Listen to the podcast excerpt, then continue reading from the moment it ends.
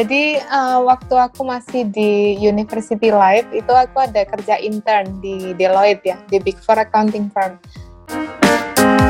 Kita harus nyampai ke kantor itu sekitar jam 8 pagi. Terus kalau lembur ya kurang lebih ya makanan sehari-hari lah ya. Kita pulang paling awal ya jam 10 malam. Itu udah itu udah bersyukur banget 10 malam.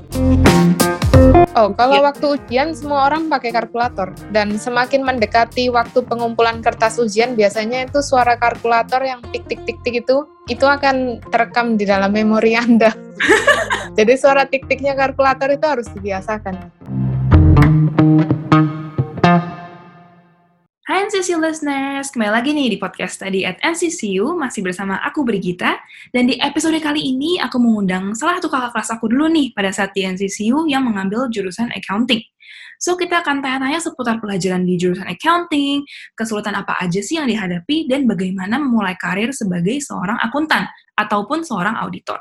So, without further ado, kita langsung invite aja guest speaker kita hari ini. Hai Ci Ive, how are you? Halo, thank you so much for having me. Thank you juga Loci for taking the time to record a podcast with us ya. So before we hmm. start, could you first introduce yourself, Ci?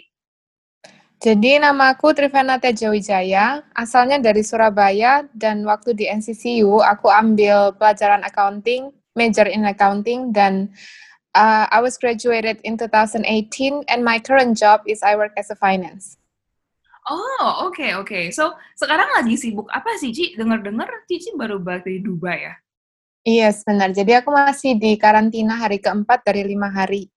Terus aku kali ini balik ke Surabaya untuk persiapan master degree uh, dissertation. Oh, I see. Jadi Cici di Dubai itu belajar atau kerja, Ci? Di Dubai kerja sebagai akuntan slash finance slash auditor. Oh wow, oke okay, oke. Okay. We'll get back to it uh, later ya Cici. Nanti pada saat kita ngomongin karir Cici gitu ya. Now aku pengen lebih mengenal Cici lagi sih background Cici karena as what I know, Cici pernah ambil program bisnis di Petra di Surabaya dulu ya Cici. Ya. Terus sekolah fashion mm-hmm. juga di LaSalle. Terus akhirnya belajar bahasa ke Taiwan. And how did you end up learning accounting Cici di NCCU and why? Ya, sebenarnya uh, masuk ke accounting itu cukup random ya dalam arti bukan di dalam rencana. Uh, ketika waktu aku masih di high school nggak ada rencana untuk ambil accounting. Uh, ya benar dulu waktu sekolah di Petra kebetulan ada ekstrakurikuler atau di sana disebutnya Excellent Life Skill Program, di mana kita bisa ambil kelas universitas dan waktu itu aku ambil kelas uh, fashion design sama business entrepreneurship begitu. Terus kebetulan di fashion design itu mereka panggil uh, lecturer dari university namanya LaSalle College. Dan waktu itu uh, kebetulan setelah selesai program tersebut dapat sertifikasi.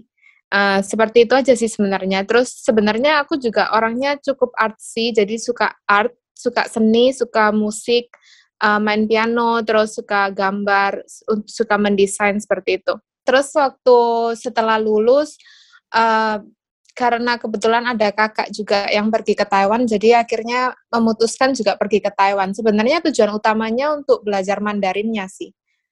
Cuman ya terakhirnya uh, somehow masuk di accounting seperti itu. Oh, jadi Cici ambil business fashion itu tuh pada saat Cici SMA di Petra gitu maksudnya? Iya benar, waktu itu masih SMA. Oh, I see. Terus akhirnya apa sih Cici yang mendorong Cici akhirnya kenapa accounting gitu loh dan di NCCU gitu?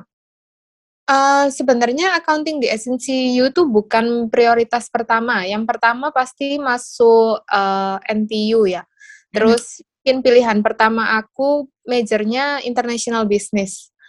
Tapi karena nilainya tidak cukup, jadi masuk pilihan kedua yaitu accounting di NCCU.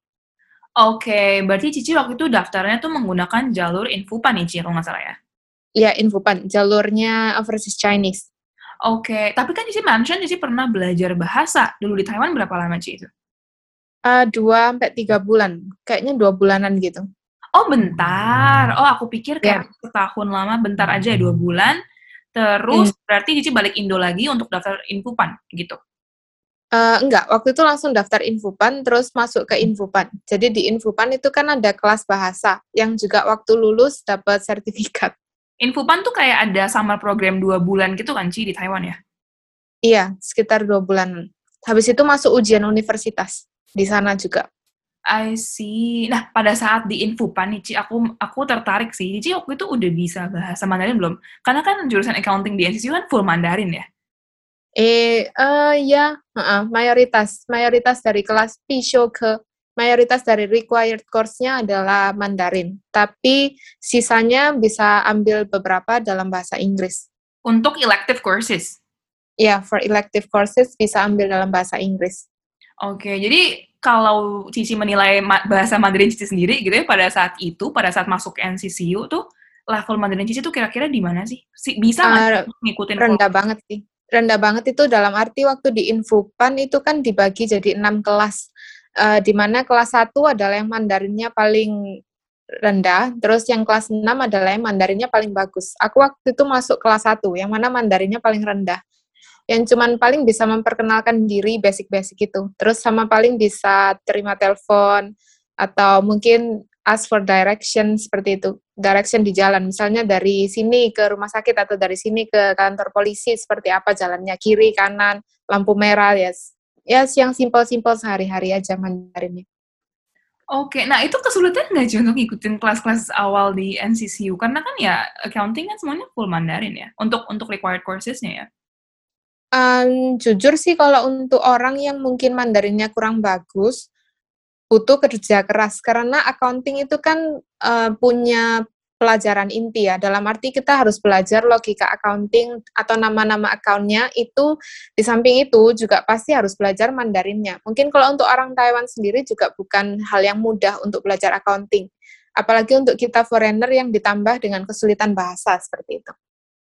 I see, I see. Nah, kalau dari ujian Infopan nih, Ci, ya, sebenarnya yang paling dilihat tuh apa sih, Ci? Nilai mapnya kah? Karena kan kayaknya kalau untuk masuk jurusan accounting, kayaknya harus pinter matematika gitu ya. Kayak um, persepsi orang tuh seperti itu. Emang bener nggak sih, Ci? Um, sepertinya nilai ujian dengan pinter matematika uh, dalam hal ini terpisah. Dalam arti untuk masuk ke jurusan accounting itu dia akan lihat nilai keseluruhan dari ujian infopan, tapi nggak terfokus pada hanya nilai matematikanya saja. Nah, di samping itu juga aku rasa banyak miskonsepsi ya. Ini miskonsepsi orang yang biasanya kita bilang, oh saya dari jurusan accounting. Terus orang akan berpikir bahwa, oh pasti matematikanya bagus. Sebenarnya dalam hal ini aku rasa sih nggak terlalu perlu. Karena dengan sistem-sistem yang ada dan teknologi yang ada, accounting itu tidak butuh di perhitungannya. Perhitungannya cuma bisa basic aja, udah nggak masalah. Lagian kita kerja kan bisa tekan kalkulator, seperti itu. Jadi nggak terlalu perlu untuk kemampuan matematika yang uh, terlalu expert begitu. Oke, nah ini mungkin mendatangkan murid-murid Indonesia ya, mungkin yang kayaknya matnya nggak gitu bagus, kayaknya aduh susah ya masuk accounting, tapi sebenarnya enggak ya, ya, toh juga nanti pada saat kerja sebenarnya juga bisa pakai kalkulator kan ya. Tapi mungkin iya. kuliah kan nggak boleh kali ya, Ci, pakai, pakai kalkulator ya? Kalau bagaimana? Kalau pas kuliah, pada saat pelajaran gitu. Oh, kalau ya. waktu ujian semua orang pakai kalkulator dan semakin mendekati waktu pengumpulan pengumpulan kertas ujian biasanya itu suara kalkulator yang tik tik tik tik itu itu akan terekam di dalam memori Anda. Mungkin kalau ujiannya nggak bisa waktu tidur siang nanti pulang ke asrama waktu tidur siang bisa kedengaran suara kalkulator itu terus kebangun. Itu kayak kalau udah saya ujian kalau nggak lulus itu kayak dihantui dengan suara itu ya Ji. Benar. Jadi suara tik-tiknya kalkulator itu harus dibiasakan. Jadi kayak hidup sehari-hari. Oke oke oke. Noted noted. Nah um, kalau untuk murid NCCU ya Ci ya, kita tuh tahunya tuh kayak jurusan accounting tuh jurusan yang paling sulit gitu di NCCU. Karena um, kalau aku sharing ya, aku punya teman beberapa teman dari jurusan accounting, itu mereka kalau udah mau midterm, udah mau final, Ci, itu mereka kayak nggak keluar dorm gitu, udah kayak anti social gitu. Nah, Cici salah satu murid yang begitu juga nggak sih? Dan bener nggak Cici sebenarnya kayak rumor bahwa accounting itu jurusan yang paling susah di NCCU? Sebenarnya susah, definisi susah atau enggak itu relatif ya. Ada orang yang mungkin menganggap accounting, oh susah banget. Soalnya orang mungkin bagi orang tersebut lihat angka itu udah udah panik begitu. Tapi untuk beberapa orang yang lainnya itu suka banget sama logika accounting. Sebenarnya logika accounting itu bisa adiktif sih menurut aku. Kalau lama nggak ngerjain accounting juga aku kadang ngerasa kayak uh, pingin pingin gitu, pingin aja untuk ngerjain accounting lagi. Karena logikanya memang membuat orang itu jadi ketagihan seperti itu. Tapi untuk beberapa orang lagi mungkin nggak terlalu kebiasa dengan menyelesaikan angka-angka dalam kehidupan, mungkin nggak akan suka gitu. Terus kalau dari jurusan accounting sendiri, apakah salah satu jurusan yang paling susah? Hmm, mungkin iya. Kalau dilihat dari fakta ya, misalnya masuk ke dalam perpustakaan di NCCU begitu di basement, rata-rata yang tidur di basement itu adalah siswa-siswa yang bukunya tebel-tebel, semuanya accounting atau jurusan hukum begitu. Jadi ya bisa jadi kalau orang berkonsepsi bahwa uh, accounting salah satu jurusan yang tersulit di NCCU bisa jadi. I see, I see. Dan juga credits untuk graduation-nya kan accounting lebih banyak ya, dibanding jurusan lain ya. Kalau jurusan lain kan 128 SKS ya. Kalau hmm. accounting hmm. 100, berapa sih, 40-an 44. Ya? Sih, jadi dari SKS wajibnya aja itu udah sangat lebih banyak gitu sih daripada jurusan lain kan sebenarnya. Dari total kreditnya paling banyak. Terus kalau dari total yang PISO ke dari yang uh, required course-nya juga yang paling banyak dan yang paling gampang kena kena tang. Yang paling gampang kena nggak lulus begitu. Iya, iya, karena banyak prerequisite ya, Cia. Jadi kalau misalkan nggak lulus di yang satu, yang maksudnya di... Lanjut berikutnya. Di, uh, uh, yang di beginner nggak lulus, yang next-nya nggak bisa ikut ya, Cia. Pokoknya harus lulus dulu yang di level pertamanya gitu ya, Cia. Iya, betul. I see. Nah, kalau Cici, um, kalau saat, pada saat udah mendekati momen-momen ujian, Cici tipe yang masih keluar dorm untuk kayak bersosialisasi atau benar-benar ngurung diri, Ci? Kalau aku kayaknya yang mengurung diri ya, karena uh, selain kemampuan bahasa yang kurang, ditambah lagi uh, sebenarnya awalnya nggak gitu minat belajar accounting. Jadi ya mau nggak mau lah demi kelulusan. kurung okay. diri. Tapi surprisingly, maksudnya kayaknya aku lihat Cici enjoy-enjoy aja sih working di bidang accounting, Ci, sebenarnya ya, kalau aku lihat. Nah, bisa menyinggung lagi suka dukanya untuk uh, belajar di accounting. Mungkin Boleh. dukanya ya uh, waktu sekolah ya. Mungkin sering kali teman mungkin ngajak pergi barbekyuan lah, mungkin ajak pergi ke TV, karaoke atau jalan-jalan atau mungkin lihat uh, lihat apa uh, firework di 101 begitu ya. Tapi kita akan di tengah-tengah, di sela-sela akan bilang, oh kayaknya aku harus balik dulu nih, soalnya mau siapin ujian buat besok, atau siapin buat xiaokao, buat uh, quiz untuk besok, seperti itu. Mungkin dukanya di situ. Uh, terus ada duka lagi waktu masuk ke kerjaan juga biasanya nggak sesmooth kerjaan orang lain. Orang lain mungkin kerja bisa santai gitu. Malamnya ke TV dulu, paginya nggak konsen kerja nggak apa-apa kan bisa sambil nonton video sambil ngapain gitu sambil makan. Tapi kalau rata-rata yang kerja di bidang accounting sih harus konsentrasi penuh ya. Karena kan kita um, bikin laporan terus kadang kita juga harus riset-riset terus lihat laporan keuangan itu banyak hal yang perlu ketelitian dan sensitivitas seperti itu. Jadi itu mungkin dukanya di situ. Tapi sukanya adalah rata-rata orang jurusan accounting hampir nggak mungkin nggak dapat kerja. Dan antara satu, misalnya kita keluar dari satu kerjaan untuk pindah ke kerjaan next berikutnya, nggak perlu waktu lama biasanya. Kayak dalam kurun waktu sebulan sudah nemu berikutnya. Mungkin sukanya di situ. Sama sukanya lagi adalah kalau suka bikin relasi-relasi yang berkualitas, karena orang accounting atau orang finance biasanya ambil data-data konfidensial perusahaan.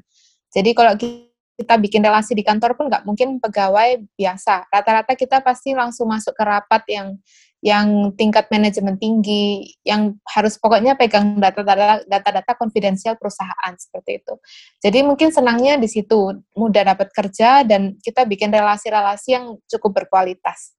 Berarti kalau jurusan accounting itu istilahnya kayak bersusah-susah dahulu, bersenang-senang kemudian ya, Cia. Mungkin walaupun tahun awal-awal pasti hensingku lah, pasti sulit juga lah. Tapi kayak in the future, hmm. prospek karir ke depannya tuh dapat kerja lebih gampang, dapat relasi juga lebih gampang gitu ya, Cia. Uh, iya betul. Cuman dalam kerja itu tetap harus mempertahankan konsistensi waktu kita sekolah dulu. Dalam arti uh, kan accounting itu ada mangci ya, ada mangci atau ada uh, peak season seperti itu, uh, di mana kita setiap quarter harus keluar laporan. Ada juga kan laporan mingguan, laporan harian itu harus selesai tepat waktu dan otomatis kita kerjanya bakal bakalan lebih lembur daripada orang yang kerja di bidang lain. Nah, itu yang harus ya seperti halnya waktu kita sekolah dulu kan, orang lain kerja sekolah lebih mudah, kita sekolahnya lebih susah. Terus orang lain mungkin waktu kerja juga bisa lebih santai, kita kerja lebih sibuk mungkin dan punya istilahnya punya rasa tanggung jawab dalam. Jadi kadang mungkin perusahaan nggak kasih uang lembur, tapi ya kita harus lembur karena apa bagian dari tanggung jawab kerjaan. Jadi ya konsistensi-konsistensi itu masih terus harus ada. Cuman ya mudahnya ya relasi dan dapat kerjaannya tuh mudah seperti itu. Oke, okay. nah if we're talking about classes, Ci, selama empat tahun Cici di NCCU ya di jurusan accounting, kelas apa sih kira-kira yang paling menarik atau mungkin paling challenging kali buat Cici? Yang pernah Cici ambil? Hmm, kalau paling challenging mungkin aku bilang intermediate accounting ya, karena akunnya banyak, case-case-nya susah dimengerti, uh, dan ya banyak case tadinya cukup kompleks sih. Uh, waktu di situ benar-benar diuji bagaimana kita punya accounting judgment uh, sebenarnya accounting susahnya bahkan bukan di hitungan yang kalau menurut aku di accounting judgment itu dia harus masuk account mana kapan harus digunakan account tersebut dan dalam titik-titik transaksi apa dia harus digunakan seperti itu. Uh, terus apa yang menarik pelajaran yang menarik aku rasa ada cost accounting ya. Cost accounting menurut aku um, cukup fun. Dia masuk logika, cukup logis dan ya menarik aja menarik aja, boleh dicoba. Oke, okay. berarti kelas-kelas di accounting itu sebenarnya lebih ke logika ya, Ci, ya? Bukan lebih ke menghafal ya sebenarnya ya? Iya, kalau dari aku sekolah accounting dan kerja accounting, kalau aku bisa simpulkan, accounting itu sebenarnya tentang main logika, bukan tentang hitungan. Hmm. I see, I see. Sebenarnya mirip-mirip uh, coding juga ya, lebih um, kalau coding kan juga logika gitu ya, misalkan kayak yeah. if buka kurung apa, seterusnya apa gitu loh. Jadi bukan yeah, hafal teori ya, beda hmm. banget sama mungkin jurusan apa ya, jurusan hukum mungkin yang yang butuh menghafal banyak gitu ya, Cia. Hmm. Uh, kita di accounting juga akan belajar beberapa hukum dan itu cukup sulit. Mungkin oh. yang bikin sulit karena bahasanya ya. I see, I see. Konteks konten di dalamnya juga menurut aku cukup cukup menantang. Nah, kalau belajar hukum itu, Cici belajar hukumnya hukum Taiwan atau hukum global, Cici? Maksudnya hukum internasional? Uh, ada namanya Koji Maui ya, yang apa uh, international trading punya law. Nah, itu mungkin lebih internasional sifatnya. Tapi ada beberapa hukum kayak misalnya hukum taxation, itu pasti ikut hukumnya Taiwan waktu belajar. Oh, perpajakan ya? Iya. I see, I see. Nah, kalau boleh sharing, Ci, selama empat tahun di NCCU, kesulitan apa sih yang Ci hadapi dan how do you cope with that? Hmm, kesulitan apa yang dihadapi? Mungkin uh, ini bisa aku bagi dalam dua garis besar. Yang pertama, masalah di dalam kelas atau pelajaran-pelajaran dan masalah di luar kelas atau kehidupan sosial lah. Mungkin kalau kehidupan sosialnya aku bisa bilang uh, karena perbedaan uh, budaya. Jadi untuk mencari teman atau mungkin untuk berkomunikasi dengan uh, classmate gitu mungkin ada sedikit permasalahan di awal. Udah gitu kan kita juga datang sebagai istilahnya orang asing. Uh, mungkin yang belum pernah mengalami, apalagi kita waktu itu pasti masih muda ya, kalau baru lulus uh, SMA begitu, masih kecil lah istilahnya bisa dibilang, masih belum banyak tahu bahwa oh kehidupan luar itu begitu ya, orang itu bisa begitu ya. mungkin belum tahu banyak begitu. Jadi mungkin agak shock waktu pertama masuk di lingkungan asing. Uh, di mana di dalamnya kita harus uh, ter membiasakan diri dengan hal-hal yang baru. Dalam arti lingkungannya, budayanya, bahasanya, uh, kebiasaannya, terus mungkin cara mereka berkelompok, cara mereka berdiskusi, uh, cara mereka berkomunikasi itu semuanya beda. Uh, itu mungkin yang di luar kelas. Kalau yang di dalam kelas ya paling bagaimana kita mengatur jam belajar sendiri sih. Mengatur jam belajar yang uh, karena waktu di SMA kan jam-jamnya itu istilahnya sudah ditentukan sama sekolah. Uh, dan biasanya kita paling pulang membawa PR satu atau dua mempersiapkan ujian di minggu-minggu tertentu. Tapi kalau di tempat kuliah tuh cenderung lebih random kan project-projectnya, case study-nya, uh, atau mungkin uh, mereka minta tentang group discussion-nya, itu semua lebih beda. Jadi kita harus pandai-pandai atur waktu. Terus mereka juga mungkin nggak, beberapa guru nggak akan peduli seberapa banyak dia mau kasih kamu tugas.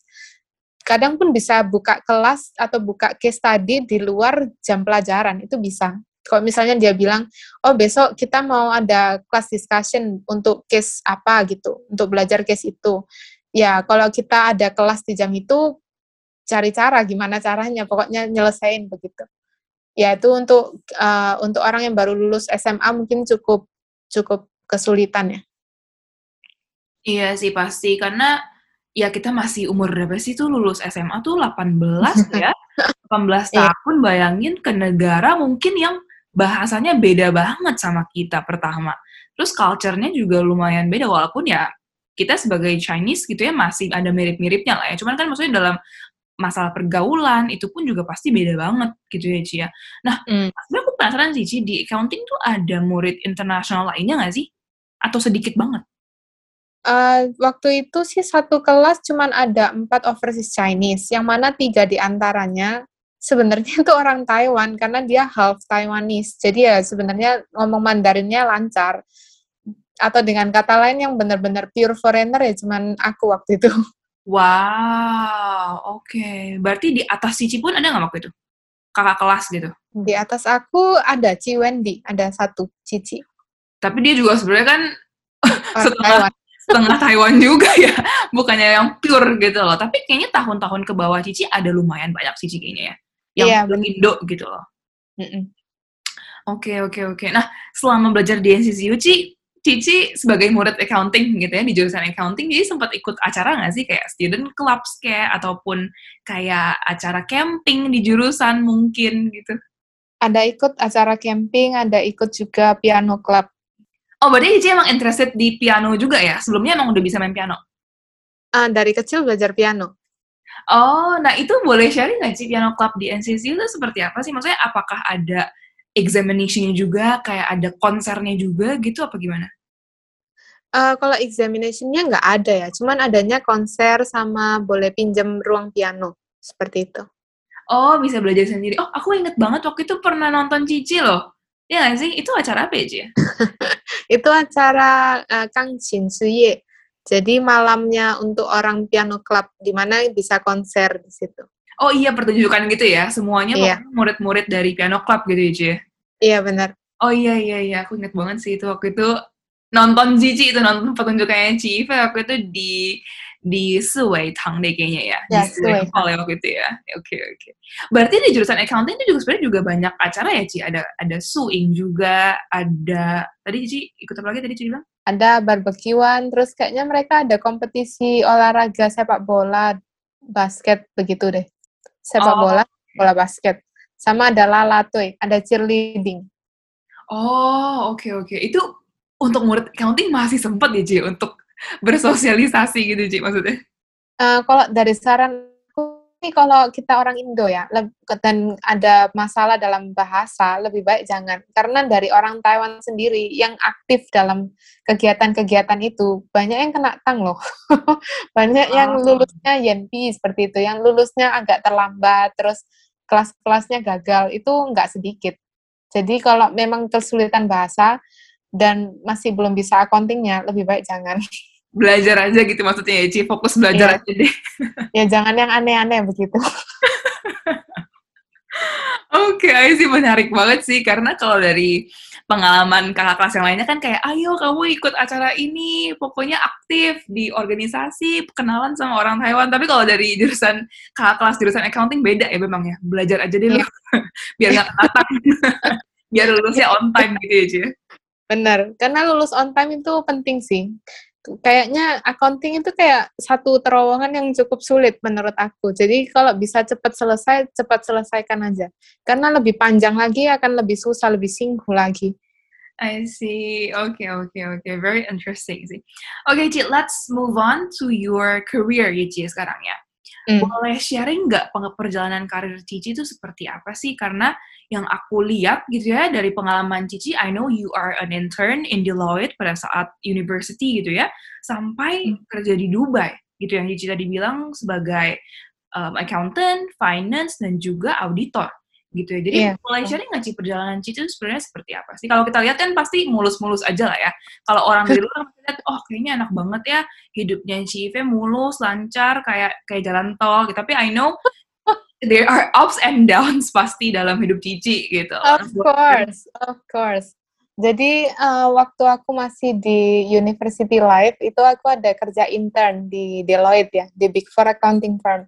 Terus dari kerja di situ uh, sebenarnya di sana cukup mulus sih. Dalam arti kita di situ nggak diperbolehkan untuk kerja lembur. Nah, karena nggak diperbolehkan kerja lembur, di situ aku rasa cukup enjoy. Oh, cuman mungkin waktu per pertama di sana itu susahnya adalah untuk mengatur kebiasaan atau gaya hidup ya. Di sana itu cukup profesional dalam arti mereka akan kasih peraturan untuk kita selalu berpakaian resmi. Uh, sepatu resmi, terus cat kuku nggak boleh macam-macam, cat cat rambut juga nggak boleh macam-macam gitu. Jadi dari situ tuh udah mulai karakternya dibentuk jadi benar-benar akun akuntan profesional. Nah, uh, kalau untuk aku sih mungkin oke. Okay. Terus sama warna-warna bajunya juga ditentukan nggak boleh yang kayak merah, kuning, hijau seperti itu. Yang lebih netral. Hmm. Kalau untuk aku mungkin karena cocok dengan personality aku, jadi uh, cukup mudah untuk aku. Tapi untuk beberapa orang lagi yang mungkin suka gaya fashion tertentu, nah itu untuk adjust untuk menjadi boring seperti akun akuntan seperti itu tuh kayak kurang biasa sih. Apalagi jam kerjanya cukup panjang. Dalam arti ya dari jam pagi 9 pagi jam 9 sampai jam 6 kalau nggak salah internship itu. Oh, intern pagi. pun juga dari pagi sampai sore ya, Ci ya? Cuman mungkin nggak full ya. aja ya? Uh, full kerja cuman nggak perlu lembur.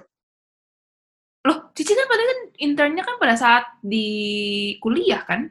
Kan juga iya. belajar dong, kan masih ada kelas. Oh, Gimana waktu itu summer deh kayaknya. Iya, summer. Jadi kita full kerja satu bulanan. Satu bulanan. Oh, jadi kalau intern di Deloitte emang nggak ada yang selama semester ya? Semuanya pada saat liburan gitu ya, Ci ya? Ada yang bisa kerja sama semesteran. Tapi aku waktu itu cuma summer sama winter aja. Oh, I see. Oke, okay, oke, okay, oke. Okay. Berarti itu your first intern ya, Ci ya? Iya, my first intern. Itu daftarnya Ci waktu itu gimana kalau boleh tahu? Daftar nah, dari e-links aja? Sebenarnya daftar untuk masuk ke Big Four accounting firm itu ada banyak cara. Dan uh, salah satunya adalah lewat websitenya. Terus yang kedua adalah lewat SIPAN, lewat uh, departemen. Nah, terus yang ketiga lewat uh, kalau nggak salah namanya GMCA atau apa. Itu yang untuk international student untuk daftar intern-intern di Taiwan situ ada satu organisasi internasional. Namanya aku rada lupa. Kayaknya GMCA kalau nggak salah. Terus yang kedua lewat SIPAN, terus yang ketiga daftar langsung lewat website. Nah, karena waktu itu dari Big Four accounting firm itu, aku memang dari awal pengennya Deloitte. Jadi aku tiga-tiganya aku pakai caranya itu. Nah, terus jadi yang terakhir itu keterima yang mana, maksudnya berdasarkan jalur yang mana yang aku keterima, aku nggak gitu jelas. Yang pasti terakhirnya aku masuk aja. Oh, berarti you uh, specifically pengen masuknya ke Deloitte ya, Ci? Ya? Kenapa? Yeah. Kenapa sih kenapa Deloitte? Maksudnya kenapa nggak PwC, KPMG, ataupun EY ya kalau di Taiwan ya? Big Four-nya itu ya kayaknya. Iya. Yeah. Uh, ini Big Four-nya kan global ya, di seluruh oh, dunia yeah core-nya empat ini accounting firm. Cuman kalau kita ambil dua yang paling kompetitif uh, itu PwC sama Deloitte. Ya somehow kayak dari segi image-nya lebih suka Deloitte sih. Oh oke okay. dari segi image dan brandingnya mungkin ya sih berarti ya. Iya betul. Oke, okay, nah yang aku tahu kan Cici juga pada saat intern di Deloitte, um, setelah lulus Cici akhirnya memutuskan untuk jadi full timer ya di Deloitte ya Cici ya. Hmm. Nah, itu uh, jadi uh, oh, sebelum intern ke sana waktu aku di tahun ketiga aku intern di Deloitte, tahun keempat aku intern di banking di Bank Sinopak. Nah, kenapa aku bilang uh, ini internnya di bank karena nanti ada connectionnya waktu aku masuk ke Deloitte. uh, setelah aku selesai di Deloitte itu tahun keempat sebelum aku lulus, uh, mereka ada kasih satu kayak surat begitu. Kalau nggak surat, email. Atau kayaknya surat secara fisik deh, dikirim ke asrama begitu. Terus dia bilang bahwa uh, performance selama uh, waktu di internship itu cukup baik. Penilaian evaluasi dari mentor ada, aku ada bertanya, terus mereka ada menjawab, dan aku ada belajar dari yang aku tanyakan itu tadi dari situ performance-nya katanya bagus dan bisa langsung bekerja di Deloitte. Nah, kebetulan juga mereka kurang orang di bidang banking and finance dan waktu tahun keempat aku ada uh, intern di salah satu bank di Taiwan. Jadi mereka bilang, oke, okay, uh, eh, kebetulan ada lowongan ini juga, kamu masuk ke kelompok yang banking and finance ini. Gitu. Oh, jadi emang pas banget uh, lowongannya pun berhubungan sama intern yang Cici ambil ya pada saat tahun iya. keempat itu ya. Mm-mm. Jadi nilai plus-plus lagi lah gitu lah buat Cici. Berarti yeah. Cici sangat mensarankan murid-murid tuh untuk ambil intern nih, Cici. Ya. Karena kan itu opportunity untuk dapat full-time jobnya lumayan tinggi ya sebenarnya ya. Ah, Kalau uh, benar. performance Jadi, bagus ya. Iya, aku beneran recommended untuk ambil intern. Ya, untuk tahu juga apakah kehidupan accounting firm itu beneran cocok untuk kamu atau enggak. Jadi kalau dari segi awal berpakaian berpakaian resmi dengan jam kerja yang cukup panjang udah nggak betah, maksudnya ada orang yang kepanasan lah, nggak betah lah, sempit, ini itu, ya mendingan nggak usah kerja full time lagi, kalau part time aja nggak bisa gitu. Ah iya, true sih, true sih, karena emang harus pakai jas ya, Cia, kalau aku lewatin apa kantor di Lloyd tuh kayak orang-orang pada pakai jas kemeja putih, bener-bener yang formal banget ya. Ya, yang untuk berpakaian formal. Sebenarnya kalau untuk jasnya sih nggak harus, cuman uh, kayak berpakaian formalnya perlu dan kalau ada meeting atau ada rap rapat atau ada apa ya kayak seminar gitu juga kadang harus pakai jasnya. Oh, I see, I see. Wow. Ada orang yang nggak betah, terutama yang laki-laki sih. Yang laki-laki harus selalu tangan panjang gitu. Uh, terutama kalau yang laki-laki pada saat summer di Taiwan itu cukup panas kan ya. Nah, kalau harus ditambah lagi harus selalu lengan panjang, ditambah lagi berdasi kan, jadi harus dikancing sampai atas, terus harus pakai jas, kadang harus pakai uh, apa uh, harus pakai sabuk baju dimasukkan lah apakah betah kalau memang betah ya mungkin cocok tapi kalau nggak betah untuk part time-nya aja udah nggak betah mendingan nggak usah daftar lagi untuk full time-nya Oke, okay, I see, I see. Nah, um, as what I know juga, Cici kayaknya cuma satu tahun ya di Deloitte ya. Setelah itu Cici move to a private company, ya Ci ya? Iya, private company. Nah, itu prosesnya gimana tuh Ci? Why do you quit Deloitte? Oh, Uh, sebenarnya selain masalah di kerjaan, sebenarnya kesan kerjaannya mungkin nggak bermasalah ya, bermasalahnya di akunya. Mungkin aku kurang betah dengan kehidupan yang terlalu banyak lemburnya. Dalam arti kan kita kerja di Taiwan itu lima hari ya, uh, terus libur dua hari, Sabtu Minggu itu libur. Cuman kalau di Deloitte itu mungkin hari Sabtunya hmm, bisa lembur di rumah. Uh, lembur tapi statusnya, tapi bisa di rumah. Kalau hari Minggu tetap harus masuk ke kantor kadang. Terus uh, masalah jam kerjanya itu cukup panjang ya. Kalau kita mau physical inventory atau penghitungan stok seperti itu, kita harus nyampai ke kantor itu sekitar jam 8 pagi. Terus kalau lembur ya kurang lebih ya makanan sehari-hari lah ya. Kita pulang paling awal ya jam 10 malam. Itu udah itu udah bersyukur banget 10 malam. Kadang ya jam 12 malam gitu, jam 1 pagi, jam 2 pagi itu bisa kadang itu ya banyak juga tantangan-tantangan yang istilahnya susah untuk hmm, diselesaikan lah. Istilahnya kita harus pintar-pintar mencari solusi karena semua orang di Deloitte itu rata-rata sangat-sangat sangat sibuk, termasuk atasan-atasan kita. Jadi kalau misalnya dia minta laporan ini, terus kita mikir bagaimana mengerjakan laporannya, kok nggak ada yang mengajari dan lain sebagainya, ya memang itu termasuk part of the deal gitu, di mana kamu harus bisa belajar untuk menyelesaikan laporan itu sendiri. Jadi kita lihat, kita lihat baca, kita bisa referensi laporan-laporan sebelumnya, uh, dan harus bisa mengerjakan. Uh, mungkin kalau mengerjakan di saat kita benar-benar, uh, maksudnya dalam mas dalam full on concentration itu lebih mudah. Tapi kalau di saat kita kurang tidur atau mungkin kecapean lah ya kerja berhari-hari, berminggu-minggu, berbulan-bulan terus lembur terus ya mungkin itu juga salah satu tantangan gitu. Bagaimana kita harus bisa mempertahankan full on concentration di tengah kurang tidur. Jadi Cici quit Deloitte itu lebih karena workload-nya terlalu over ya buat Cici ya. Maksudnya jadi bikin life sama work-nya tuh nggak balance gitu ya Ci ya. Ah, iya betul. Cuman mungkin ada sisi lain yang aku bisa jelaskan. Uh, salah satu uh, istilahnya kita bisa bilang sukanya lah untuk bekerja di Deloitte.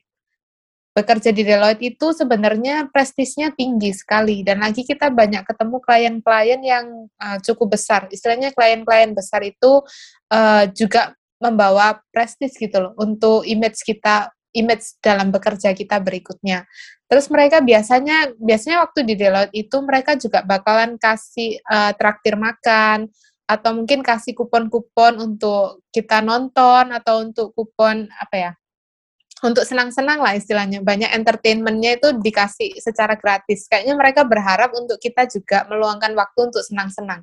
Jangan di kantor terus. Nah tapi sayangnya uh, mungkin uh, kalau kita capek juga kupon-kuponnya rata-rata nggak pernah kita pakai juga.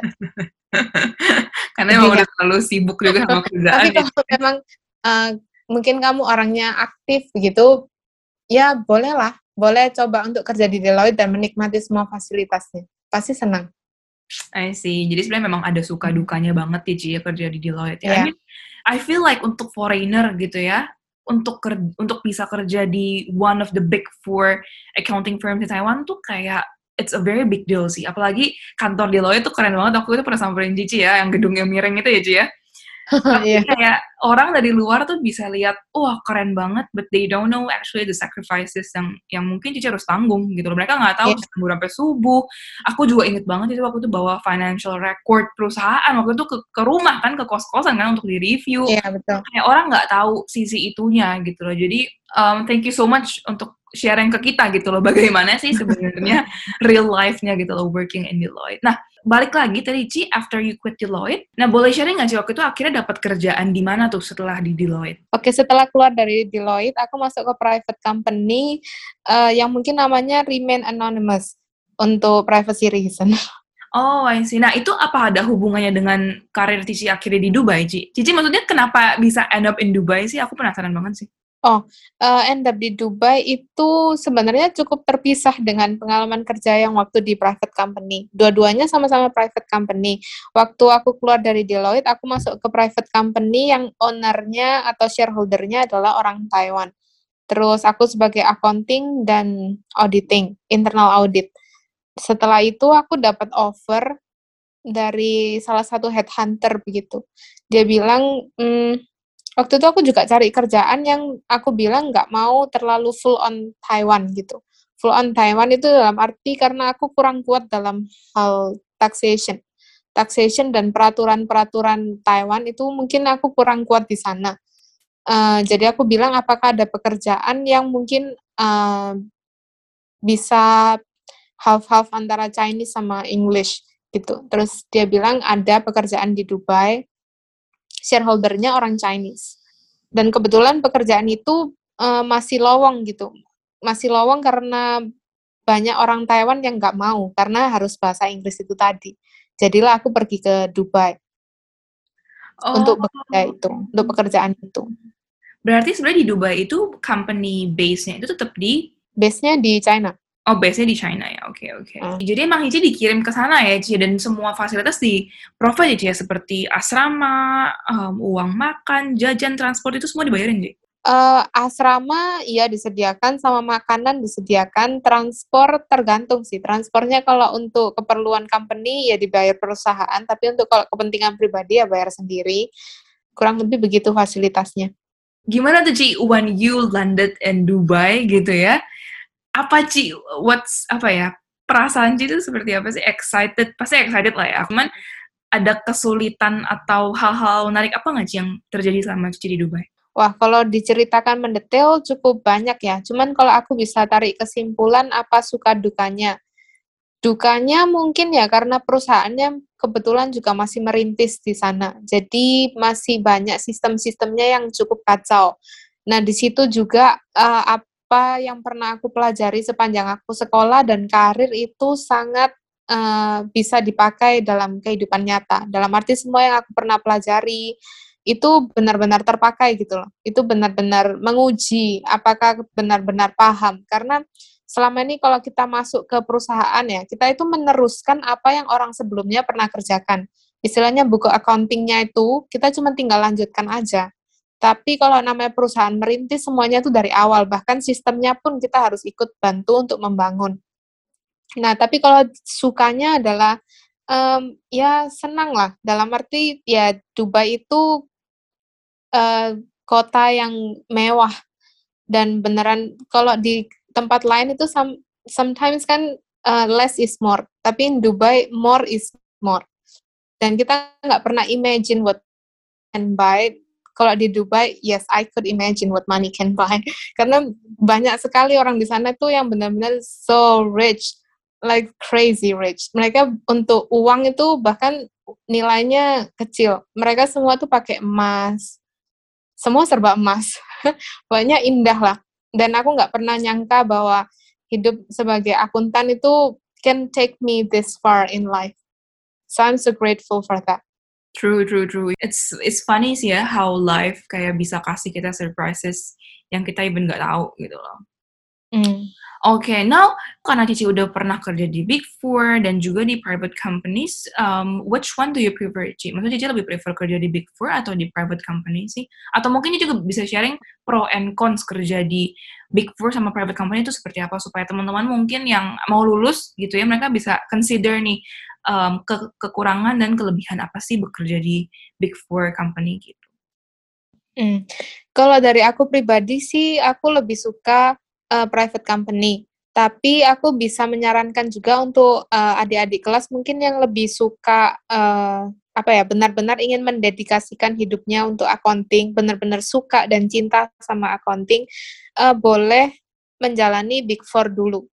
Coba dulu yang Big Four karena itu untuk jangka panjang untuk karir prospek sangat-sangat baik dan apalagi uh, kalau di Big Four itu kalau menurut aku pribadi setelah mencapai level asisten manager, setelah asisten manager itu rata-rata jalannya lebih mulus. Gajinya besar, uh, kerjanya juga nggak terlalu menantang, nggak terlalu melelahkan, tapi harus lewat asisten manager itu tadi. Uh, kalau sebelum asisten manajer rata-rata kerjanya cukup sengsara, baik secara fisik maupun secara mental, baik secara teknikal uh, maupun praktis sehari-hari itu serba sulit lah pokoknya. Tapi ya boleh dicoba lah, apa salahnya mencoba kan? Tapi kalau memang nggak cocok, nggak nggak usah putus harapan juga. Dulu aku pikirnya setelah keluar dari Big Four, ya it's the end of my career lah. Basically, kita paling masuk ke private company, terus mungkin jadi bookkeeping bertahun-tahun. Tapi sebenarnya that's not the life, you know. There is more to that keluar dari Big Four itu bukan the end of your accounting career. It's not. Um, mungkin bisa referensi juga dari uh, pengalaman aku ya. Um, buktinya keluar dari Big Four juga aku bisa experience banyak di multinational company, aku bisa ngerti tentang uh, ekspor impor, aku bisa ngerti uh, tentang taxation mungkin atau uh, bagaimana international business is conducted outside Taiwan maksudnya banyak pengalaman-pengalaman lain yang kita bisa explore. Jadi accounting accounting career it's not in Big Four only. Hmm. Kalau memang uh, perjalanannya mulus di Big Four ya good for you, but if it's not, it's okay. Don't worry about it. Oke, okay. cuman kayaknya yang what I catch um, from your story adalah relation itu penting banget ya Ci ya. Maksudnya Cici dari dapat pertama dapat full time di Deloitte juga karena bukan relasi sih, relasi dan juga performance lah ya Ci ya. Maksudnya hmm. relasi hmm. Supaya bisa direkomendasikan ke company yang lain, tapi ya kalau performance-nya jelek, ya mereka kan juga nggak akan rekomendasi gitu ya. Jadi sebenarnya it's very important untuk maintain your performance di di sebuah company ya. Istilahnya tuh impression orang ke kita tuh harus bagus supaya in the future ya bakal ada opportunity lain yang akan di offer ke kita gitu ya Ci sebenarnya. Iya, ini bener banget sih. Relasi itu sangat-sangat penting, apalagi kalau kita orang finance atau accounting. Sebenarnya kita punya banyak sekali kesempatan untuk bangun relasi uh, dalam hal rapat, dalam hal diskusi, karena rata-rata accounting itu nggak pernah bekerja sendirian dia pasti in a team. apalagi untuk sebuah project, untuk analisa, analisis ya, melakukan research atau analisis, atau mungkin untuk perusahaan punya strategi apa, terus kita menjalankan strategi itu, biasanya kita work in a team. Dan kalau kita punya kesempatan untuk kerja di perusahaan-perusahaan besar atau multinasional, kita tuh timnya nggak cuma dalam satu negara loh, pasti beberapa negara bekerja sama. Itu a very very good opportunity kalau kita mau mengempakkan sayap ke negara lain gitu. Atau ke perusahaan lain ke industri lain. Itu itu golden opportunity sih menurut aku. Jadi kalau pergi kerja itu ya jangan ini juga dari pengalaman aku dengan teman-teman kerja yang lain gitu. Jangan asal-asalan uh, pakai baju ya agak semi-semi casual it's okay lah jangan. Kalau apalagi ada meeting dengan dengan shareholder atau dengan orang manajemen atas gitu. Kalau bisa yang agak formal sedikit. Jadi meskipun kita itu baru lulus, usia kita kecil, mungkin pengetahuan kita dan pengalaman kita nggak mumpuni ya Mas Ian. Tapi ya fake it till you make it, you know fake it till you make it. Maksudnya waktu selama rapat jangan kelihatan kayak anak kecil yang culun baru lulus, masih serba hmm. nggak hmm. tahu. Jangan harus tetap pertahankan profesionalisme. Biar orang lihat, oh ya, yeah, I can keep a relationship with you, you know. Yeah. Orang juga yang profesional itu akan terinvite untuk mau kenal dengan kita kalau kita tetap mempertahankan profesionalisme itu tadi. Agree, agree sih. Karena memang you will never know who you will encounter that day ya, Ci ya. Kayak iya, betul. ketemu bos besar, kliennya misalkan meeting sama siapa gitu dari dari Amerika atau mungkin dari dari Eropa dan negara lain gitu ya. You will never know. Jadi memang sebenarnya ya opportunity comes to those who prepared ya, Ci ya. Maksudnya ya kesempatan datang untuk orang-orang yang memang sudah siap gitu loh. Emang udah udah prepared gitu loh. Kalau misalkan emang kita nggak prepared, misalkan pas penampilan kita nggak rapi apa segala macam kan jadinya kita lose that opportunity gitu loh. Iya. Nah, kalau dari um, salary gitu Ci, lebih besar mana sih Ci gaji di Big Four sama di private company? Untuk orang yang baru lulus Big Four uh, adalah itu sih gaji yang terbesar yang bisa kamu dapat. Tapi untuk yang mungkin udah lewat beberapa tahun itu faktor keberuntungan ter tergantung relasi tergantung posisi tergantung performance kamu juga Oke, okay, Jadi emang kalau for fresh graduate kayaknya emang better untuk masuk ke Big Four dulu ya. Big Four, iya. Yeah. Selain bisa boost resume ya, ya in terms of salary juga sebenarnya lebih lebih tinggi gitu. Ya. Iya karena kita banyak itu kan overtime juga. Jadi gajinya rata-rata kamu nggak mungkin terima cuma satu gaji. Pasti oh. satu lemburnya itu tadi. I see, I see, I see. Okay, Ci. Now let's talk about more about accounting industry gitu ya, Ci. With hmm. the development of technology seperti AI, which we all know kayak robot tuh bisa crunch numbers lebih cepat, lebih efficient, lebih accurate bahkan dari humans gitu loh. Nah, menurut Cici peran accountant atau mungkin auditor ke depannya tuh masih sangat diperlukan nggak sih? Will it still be in high demand? Uh, iya, karena aku rasa untuk angka-angka ya, untuk perhitungan kalkulasi itu bisa digantikan oleh AI. Tapi beberapa accounting judgment itu tetap perlu orang untuk real human being untuk bikin professional judgment gitu. Makanya itu aku tadi tekankan bahwa di accounting yang penting bukan perhitungannya. Perhitungannya tuh banyak AI mungkin ya dari kalkulator atau Microsoft Excel sudah sangat bisa menggantikan peran tersebut.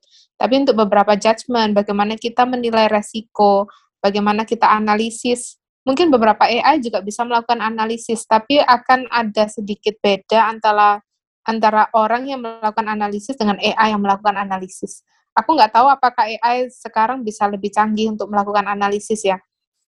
Tapi uh, dalam melihat satu bisnis atau business operation ya, kadang yang kita lihat lihat ya uh, eh, AI mungkin cuma bisa lihat dari segi angka atau financial performance. Tapi kalau kita menilai sebuah perusahaan itu rata-rata nggak cuma financial performance-nya yang matter, tapi ada hal-hal lain dalam bisnis resiko-resiko uh, jangka panjang, jangka pendek yang kita bisa lihat di luar dari angka-angka tersebut. Nah, mungkin yang di luar angka-angka tersebut, apakah AI bisa memprediksi? Aku rasa teknologinya belum sampai ke sana. Dan beberapa professional judgment yang harus dibuat oleh seorang akuntan, aku rasa juga AI masih belum bisa sampai ke sini. Oke, okay, I see. So, um, in your opinion, accountant job sebenarnya masih kan sangat dibutuhkan lah ya. Kayak karena kan Still semua relevant. company, semua Still company relevant. pasti butuh accountant ya nggak sih? Iya, betul. Bukan auditor gitu loh. Nah, kalau continuing from previous question, menurut Cici skill apa sih yang sekarang tuh sangat diperlukan bagi seorang accountant ataupun seorang auditor? Eh, yang pertama pastinya profesionalisme, yang kedua integritas, dan yang ketiga mungkin eh, sensitivity towards number. Kenapa aku bilang profesionalisme itu penting? Karena accounting itu banyak ambil eh, confidential information, data-data yang sifatnya rahasia ya untuk perusahaan. Eh, terus kita banyak berhubungan dengan orang-orang yang manajemen ke atas dan ya kenapa profesionalisme itu perlu karena orang perlu percaya terhadap kamu untuk memegang eh, informasi-informasi tersebut atau mengolah informasi-informasi tersebut. Orang harus percaya dulu. Nggak mungkin dong kalau kamu pergi ke tempat kerja terus mungkin dengan pakai sneakers dan t-shirt, orang akan kasih kamu eh, data-data konfidensial itu mungkin ya itu cukup absurd. Jadi harus berpenampilan profesional itu jelas. Integritas karena orang accounting itu ya faktor kepercayaan itu tadi orang accounting itu banyak dealing with numbers, with money ya, with money. eh, dan kalau kita jujur dalam hal kecil ya kita bisa dipercaya untuk hal-hal yang besar. Pasti dalam perjalanan itu adalah bosnya itu cukup lalai gitu. Mungkin kita dapat otoritas berlebih, otoritas berlebih dalam arti kita bisa punya buku dan kita bisa pegang uangnya juga sehingga kita bisa lakukan accounting fraud dan lain sebagainya. Tapi dari hal kecil ya pertahankan integritas itu. Terus yang ketiga logika accounting. Logika accounting itu harus tetap jalan. Nggak peduli mereka mungkin ngomongnya sambil bercanda atau sambil digress ke topik-topik lain. Tapi kalau ki- ketika mereka tanya tentang professional opinion, make sure bahwa kita berdasarkan suatu uh, accounting logic yang yang ber- berstandar, berbasis menyampaikan opinion tersebut. Interesting sih, because you mentioned about integrity ya. Sebenarnya kayak di sebagai auditor ataupun accountant kayak itu sangat penting sih. Cici pernah nggak sih ngalamin misalkan Cici lagi review financial reportnya satu company terus kayak eh, ketahuan eh company ini nggak bayar pajak gitu kayak itu itu pernah nggak sih ketemu kasus-kasus kayak gitu? Eh, kita bisa apa adakan sesi lain karena ini bisa ngomong panjang sih bahwa eh, sebenarnya kalau boleh jujur sih setiap perusahaan itu pasti berusaha berbagai cara untuk menekan cost. Bener, true. Dan apakah ada perusahaan yang 100% jujur? Dari selama ini yang aku pegang nggak ada. Hmm. Dan perusahaan itu kotor-kotornya rata-rata kan berkaitan dengan uang. Ya, uang ini bisa dari segi pajak, bagaimana dia mengatur company welfare, uh, employee welfare, uh, mereka mungkin ambil sedikit, atau mungkin mereka untuk memenangkan suatu project, mereka keluarkan banyak uang, uh, uang amplop lah seperti itu. Itu cukup terjadi dalam sehari-hari dan uang amplop itu nggak ada invoice-nya, nggak ada buktinya, nggak ada uh, proof of evidence kayak gitu nggak ada. Maka itu tadi aku bilang perlu uh, integritas kita menjalankannya uh, meskipun itu uang amplop mungkin nggak ada uh, invoice-nya, tetap berdasarkan keluar berapa ya kita tulis berapa. Terus mungkin dalam segi perpajakan juga mungkin agak sedikit miring-miring, nah itu itu hal biasa. Oh. Aku tidak membenarkan hal tersebut, tapi kalau mau bilang tentang realitas, ya seperti itu. Yeah, that's the reality ya. Iya. I see. Okay, okay. Nah, after all of your experience and achievement ya, Ji, ya, maksudnya you had a smooth career, terus S2 udah, sekarang mungkin lagi fokus di uh, tesisnya gitu ya. Oh, by the way, Ji, S2-nya di mana, Ji? ya? Uh, aku sekolah S2-nya ambil master degree di UK dan semua sistemnya lewat online. Karena kebetulan juga lagi COVID dan UK-nya juga masih lockdown. Jadi memang universitinya cuma bisa diakses lewat online. Sekarang belajar pun, kuliah pun juga sudah bisa dari internet ya, bisa online Iya, juga betul. ya. Bahkan beberapa sertifikasi ujian accounting pun bisa diambil online sekarang. Oh, I see. Berarti Cici tuh S2 tuh sambil bekerja full time pada saat di Dubai gitu ya? Uh, sambil bekerja full time waktu di perusahaan multinasional sebelum Dubai sebenarnya. Hmm. Cuman oh, nggak gitu. lulus lulus saja. oh jadi S, uh, tesisnya emang delay-delay terus gitu? Iya betul. Oke. Okay. Nah, abis S2, what's next nih, Cik? What's your next plan for the future setelah Cici lulus S2 nih? Uh, paling ambil ujian sertifikasi accounting dan dan mungkin cari pekerjaan yang yang lebih sesuai. Lebih sesuai maksudnya gimana? Yang sekarang nggak sesuai gitu, Cik? ya, setiap pekerjaan itu ada suka dukanya selama sukanya melebihi dukanya pasti dikerjakan. Tapi kalau dukanya melebihi sukanya ya bisa mempertimbangkan pekerjaan lain. Dan lagi usia kita cukup muda jadi jangan takut untuk cari kerjaan baru. Banyak orang yang sudah settle di satu kerjaan kayak ngerasa ya this is my comfort zone. Terus nggak berani untuk interview lagi nggak berani untuk cari kerjaan lagi. Terus mikir aduh kalau cari kerjaan lagi keterima nggak ya eh, kira-kira perusahaan mau nggak ya? Kira-kira aku masih kompetitif enough nggak untuk pergi cari kerja? Tapi nggak usah khawatir gitu loh. Selama kita terus menambah value diri kita, dan artinya kita belajar terus kan. Kita belajar terus, kan selama kita kerja juga kita mengumpulkan pengalaman kerja, experience-experience.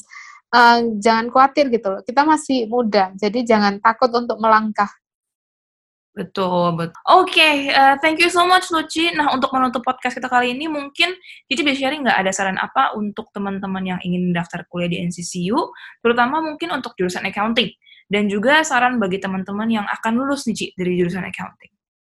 Hmm. Untuk teman-teman mungkin yang mau masuk atau mau ambil jurusan accounting, uh, mungkin awal asal mulanya kehidupannya akan cukup sulit bisa dibilang ya Uh, seperti aku bilang tadi, kalau ada orang pergi main apa, kita harus belajar mungkin, harus persiapan ujian.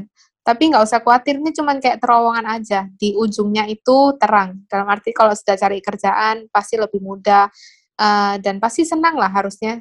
Accounting cukup menyenangkan.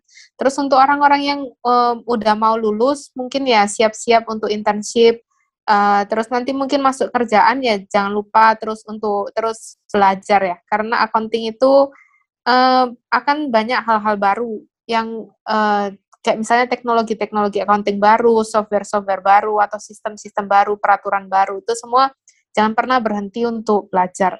Terus mungkin kalau untuk yang udah kerja di bidang accounting uh, sama juga mungkin jangan pernah berhenti belajar dan kalau memang harus pindah kerjaan apa jangan khawatir jangan takut ya melangkah aja melangkah aja terus dengan yakin uh, tetap meningkatkan nilai nilai diri lah istilahnya begitu meningkatkan skill juga uh, ya keep on dreaming keep on dreaming Okay, keep on dreaming dari Cive. So thank you so much Cive for your time. Aku yakin teman-teman semua yang mau daftar jurusan accounting pasti akan sangat terbantu nih dari mendengar pengalaman Cici Ive hari ini. So bagi teman-teman yang masih memiliki pertanyaan seputar jurusan accounting atau pertanyaan lain mengenai NCCU, bisa langsung kirim email di nccuid at gmail.com atau ke Instagram kita at nccu underscore id. So sekian dulu untuk episode kali ini. Thank you so much for listening and see you next time. 再见。